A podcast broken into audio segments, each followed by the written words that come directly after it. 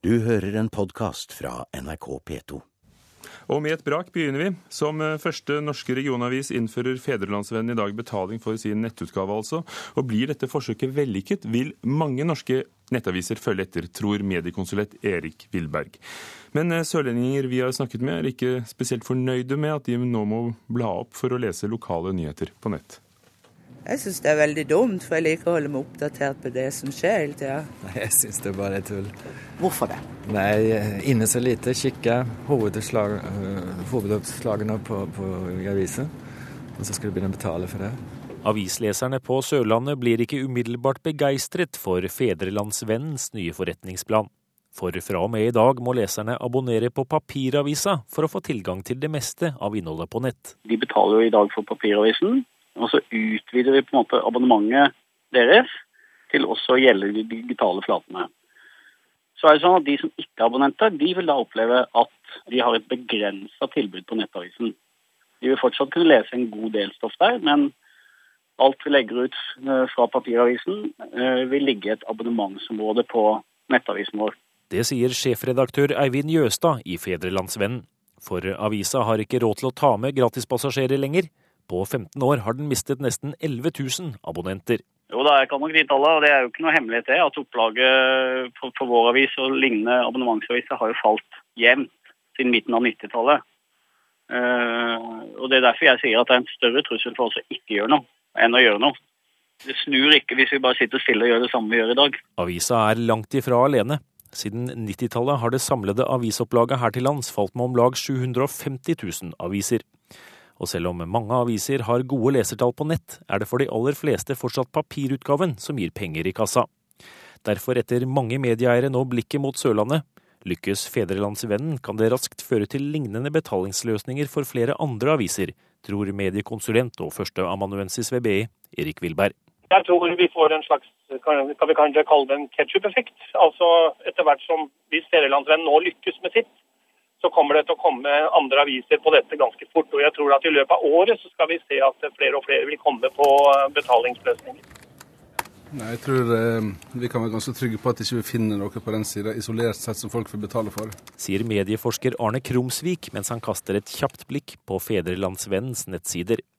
Han er i utgangspunktet skeptisk til om folk vil begynne å betale for noe som har vært gratis så lenge, men han tror avisa har en god plan for å stanse flukten fra papirutgaven. Jeg tror det er det Federlandsvennen tenker nå, at eh, ved å lage en eh, pakke der du både får papiravis og nettavis og sikkert på alle mulige rare plattformer som måtte komme, ett abonnement, tilgang til alt, så selv om du ikke bruker alle disse her, så, så vil brukerne tenke at det var en bedre pakke enn den pakken vi fikk før da vi bare fikk papiravis.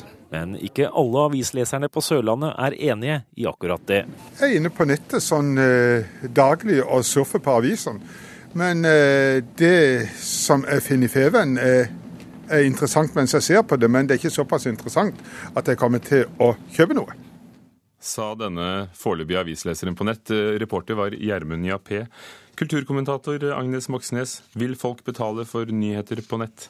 Jeg kan love deg det at det spørsmålet der det er forrest i pannebrasken til alle dem som har som jobb å sikre inntekter til norske avishus.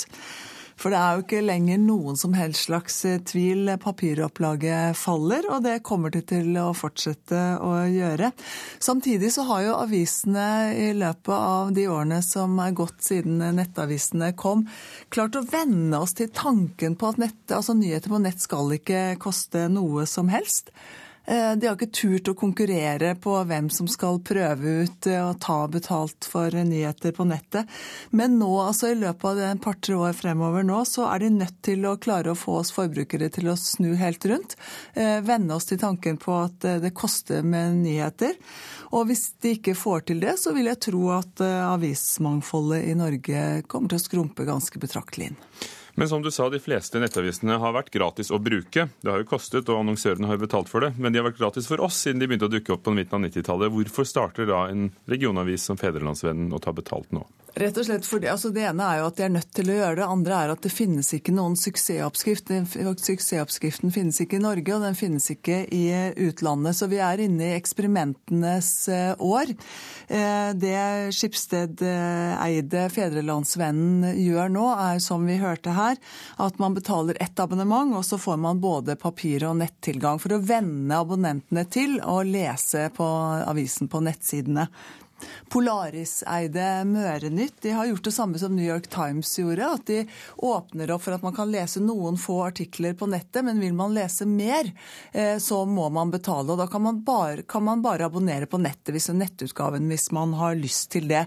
Og litt det samme systemet har Dagsavisen. Og så det er liksom dem som har vært ute før Fedrelandsvennen, men dette er jo den første regionavisen. da. Og De skulle jo begynne fra i dag av, men det har ikke teknisk lyktes. og Nå står det at det er fortsatt gratis altså på Fedrelandsvennen i dag òg. Men, men, hvis de lykkes, da, øh, ved å fortsatt ha folk, hva vil deres erfaringer bety for de andre nettstedene og avisene? Ja, Det er selvfølgelig voldsomt viktig. Jeg hørte Lars Helle si, at, øh, som er redaktør for Stavanger Aftenblad, at han nå gir gratisabonnement til sine øh, journalister på Fedrelandsvennen for at de skal følge med for å se og lære hvordan de gjør det. Adresseavisen følger selvfølgelig veldig nøye med på de erfaringene som Mørenytt har gjort seg. Samtidig så vet jo alle at VG, og antageligvis heller ikke Dagbladet, noen gang kommer til å lukke nettilgangen sin, sånn at de lar folk få, lov, få gratis tilgang på nett.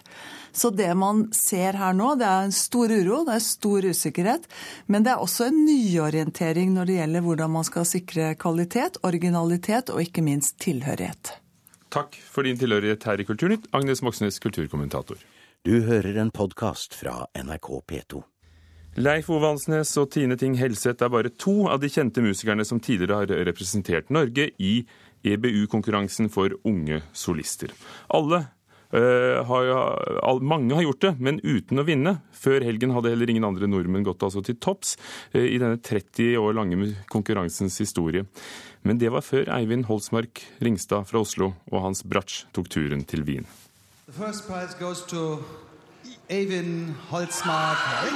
Jubelen blant de 40 000 tilskuerne i Wien er like kraftig som den er velfortjent. Eivind Holtsmark Ringstad fra Oslo har vunnet Den europeiske kringkastingsunionens gjeve solistkonkurranse for unge musikere.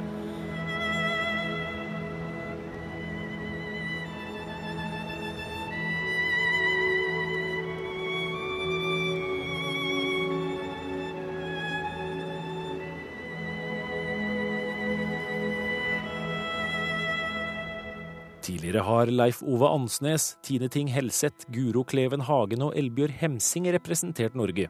Men med andre og tredje sats fra Bartoks bratsjkonsert ble Holtsmark Ringstad den første nordmannen til å gå helt til topps.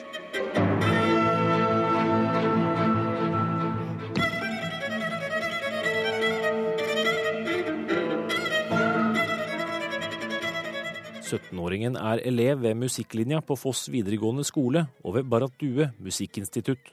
Seieren kan være svært betydningsfull, fortalte han NRK Dagsrevyen på lørdag. Det har jo mye å si for um, karrieren. Man blir lagt mer merke til, og man får da nye oppdrag. På forhånd hadde han imidlertid aldri trodd han skulle vinne. Nei, det, det var kanskje det siste jeg egentlig tenkte.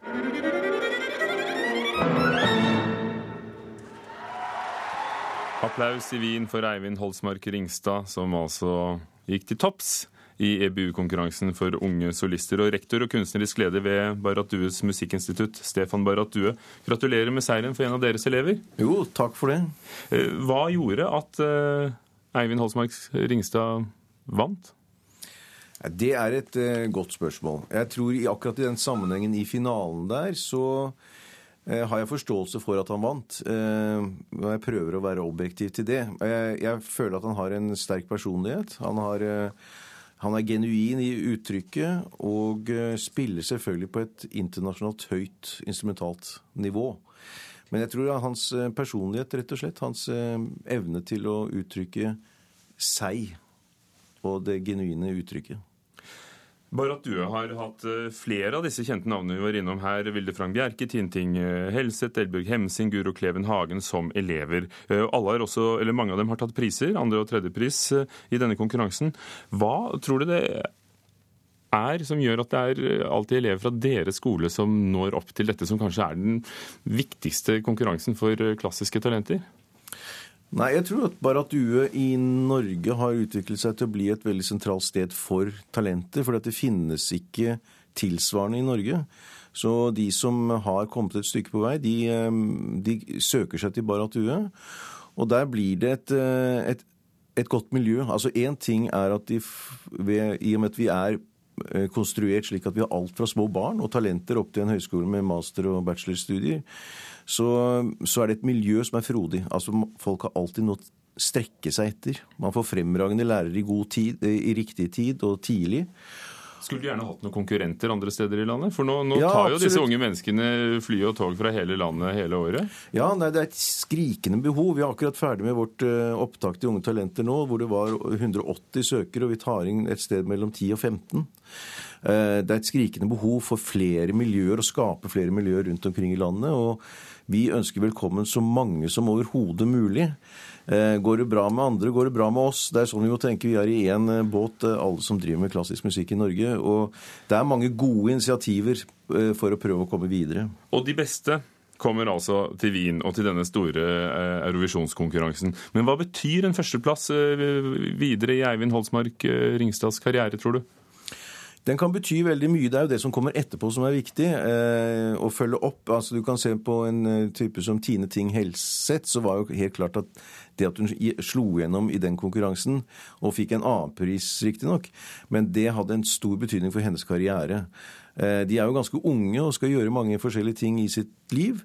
Men jeg tror at for eh, Eivind så vil det bety han har blitt sett, han har blitt hørt av et internasjonalt musikkliv. Og han har jo fått en del nye arenaer å fremføre eh, sine, sin musikk på. Men er kunst en eh, prestasjon som kan måles i konkurranse? Nei, det kan egentlig ikke det, for det er individuelt. Men det er en del eh, komponenter du kan måle eh, i musikk. Og det er kanskje den mer fysiske biten av det. Men du kan også måle, kan du si, hva er det som når ut til et publikum. Det er stort sett at en, en jury vil eh, oppleve det genuine i en stemme. Og Eivind Holsmark Ringstad nådde ut. Takk for at du kom, Stefan Barrat Due. Og nå til en opera som har nådd oss etter 400 år.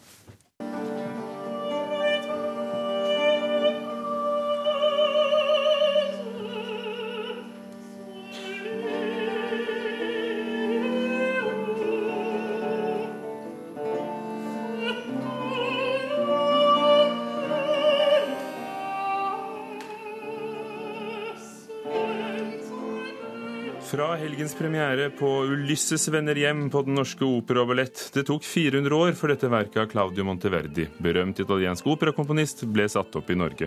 Men så er det heller ingen vanlig opera. eh, Men det er blitt til noe så sjelden som en nær og lekende operaoppsetning. Ja, det mener i hvert fall du, vår eh, musikkanmelder Ragnhild Weire. Hvorfor lykkes de? De lykkes med en oppsetning som ble i alle fall helt annerledes enn noe annet av det jeg har sett i eh, Bjørvika-operaen. Og den viktigste grunnen til det var nok eh, regissøren, den norske eh, teaterregissøren hovedsakelig da, Ole Anders Tandberg, som virkelig turde å leke og skape en mye nærere operaopplevelse enn det man vanligvis får i denne litt sånn gedigne kunstformen, hvor alt er så komplekst at alt må være helt ferdig lenge før det kommer til scenekanten omtrent.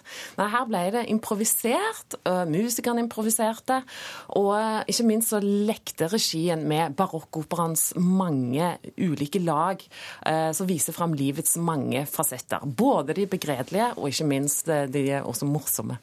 Hva handler det om? Altså, Ulysses Venhjem gir jo en pekepinn om gresk mytologi.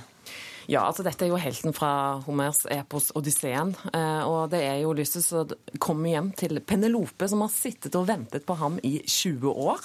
Og er de egentlig klar for hverandre da, eh, når de ikke har vært sammen? Og Olander Sandberg hadde lagt denne handlingen til moderne tid. Vi fikk et innblikk i bryllupsfesten fra helvete, eh, hvor hun satt stiv og sur og venta og venta, mens det var pølser og øl i utkantene av langbordet. Og var det kelnerne som var gudene, som egentlig lekte med disse skrøpelige menneskeskjebnene som om de var klinkekuler i eh, posen. Og det gjorde Tandberg da på veldig morsomt vis med, med underholdning inne i bryllupsfesten. Så dette var en, en lekende oppsetning. Og han som mestra stilen av utøverne aller best, det var faktisk Ulysses selv, fyr, eh, italienske Furio Sanasi, som har denne talenære stilen som gjør at vi liksom kommer nærmere menneskenes styrker og svakheter også i sangen. perduto al fin con por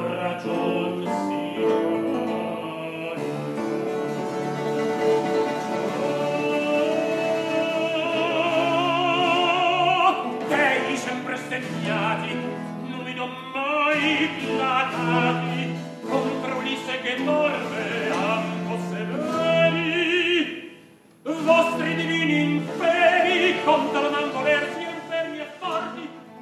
Forio Sanasi og Ragnhild Weire, hva krever en barokkopera? For dette låter jo veldig annerledes enn eh, La Traviata og de smektende 1800-tallssakene. Ja, det krever jo en lettere stemme, ikke minst, og en eh, nær snakkestil. Ikke bare vakre arier, men også det. Og der var det litt blanda resultater fra de andre utøverne. Eh, vi hadde en herlig Lydia Møllenhoff som var gjestesolist som en av gudene og Fortuna og Minerva. Men noen ganger så skriver Claudio Monteverdi så vakkert og medlidende med oss stakkars mennesker at skjønnklangen blir et poeng i seg selv. F.eks. som i Penelopes åpningsklage. Og der var det Hege Høysæter hadde en flott, bister framtoning som den ventende dama.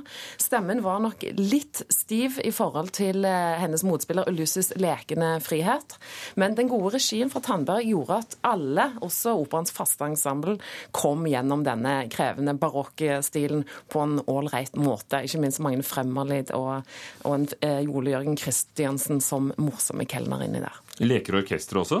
Faktisk. Det var et sammensatt barokkorkester her som klimpra og bruste og tordna og skapte et luftig liv i musiseringen, heldigvis. Og dette var en stor seier til en annerledes opera.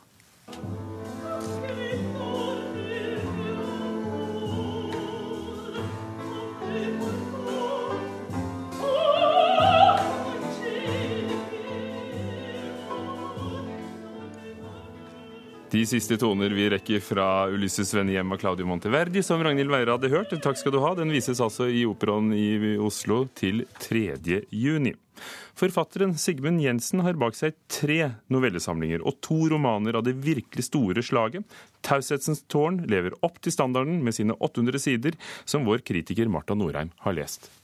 Jensen hadde med å sende hovedpersonene sine ut på rufsete og farefulle odysseer, der han eh, konfronterer dem med folk av, eh, ja, la oss kalle det ymse slag, og ikke minst med ideer av svært ulik bonitet.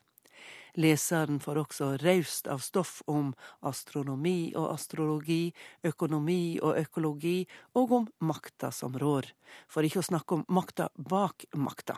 Konspirasjonene er aldri langt unna, og de blir utlagt for oss av folk som ikke er i tvil. Kort sagt, leserne må ikke bare kunne lese, de må tenke også. Det er Teddy denne gangen. Teddy Lafroig, amerikaner, barnløs enkemann i 40-årsalderen som tjener til det tørre daglige brødet i forsikringsbransjen. Han piner forbigående gleder ut av pornofilmer og brennevin, og ser Amerika gå til grunne i gjeld og vanstyre. En dag Teddy ser på TV, skjer det noe med han. Og for første gang i sitt liv kjente Teddy Lafroig noe som lignet et kall. Det var hans plikt, som amerikaner, å få avskaffet det despotiske og tyranniske vanstyret som underkuet borgerne og krenket alt det som den gode og rettferdige stat dypest sett var ment å skulle bestå i og forsvare. Han måtte reise seg, gå ut i verden og gjøre noe. Teddy slutta seg til en av de mange gruppene som går inn i si tid med våpen i hand for å forsvare de amerikanske verdiene. I dette litt skrudde universet fins det mange slike grupper, og resultatet blir blodig. Taushetens tårn kan leses på mange måter. Det helt sikre er at det er ei dyster historie om undergang. Kritikken av kapitalismen og av dehumaniseringa og kynismen den fører med seg, er tydelig. Men tydeligere er dvelinga ved opprøret som er dømt til å mislykkes. Det springende punktet i romanen er likevel ideene om makta bak makta, om det hemmelige brorskapet som trekker i trådene. Lenge er det naturlig å lese dem som nok ei dårlig analyse, men denne tolkinga fører ikke helt fram. Teddys skjebne er vanskelig til å få å henge på greip, og det gjør romanen problematisk. Sammen med det i overkant ordrike gjør dette Taushetens tårn til den svakeste av de tre romanene til Jensen, som likevel skårer poeng på at historia byr på mange gode episoder og raust med høve til å tenke videre. Sa Marta Norheim om romanen 'Taushetens tårn' av Sigmund Jensen. I dag er det 100 år siden August Strindberg døde. Hør Edvard Hoam om svenskenes store dikter i Kulturnytt i ettermiddag 16.30. Denne utgaven var ved Hans Ole Hummelvold, Andrea Kvamme Hagen og Ugo Fermariello. Du har hørt en podkast fra NRK P2.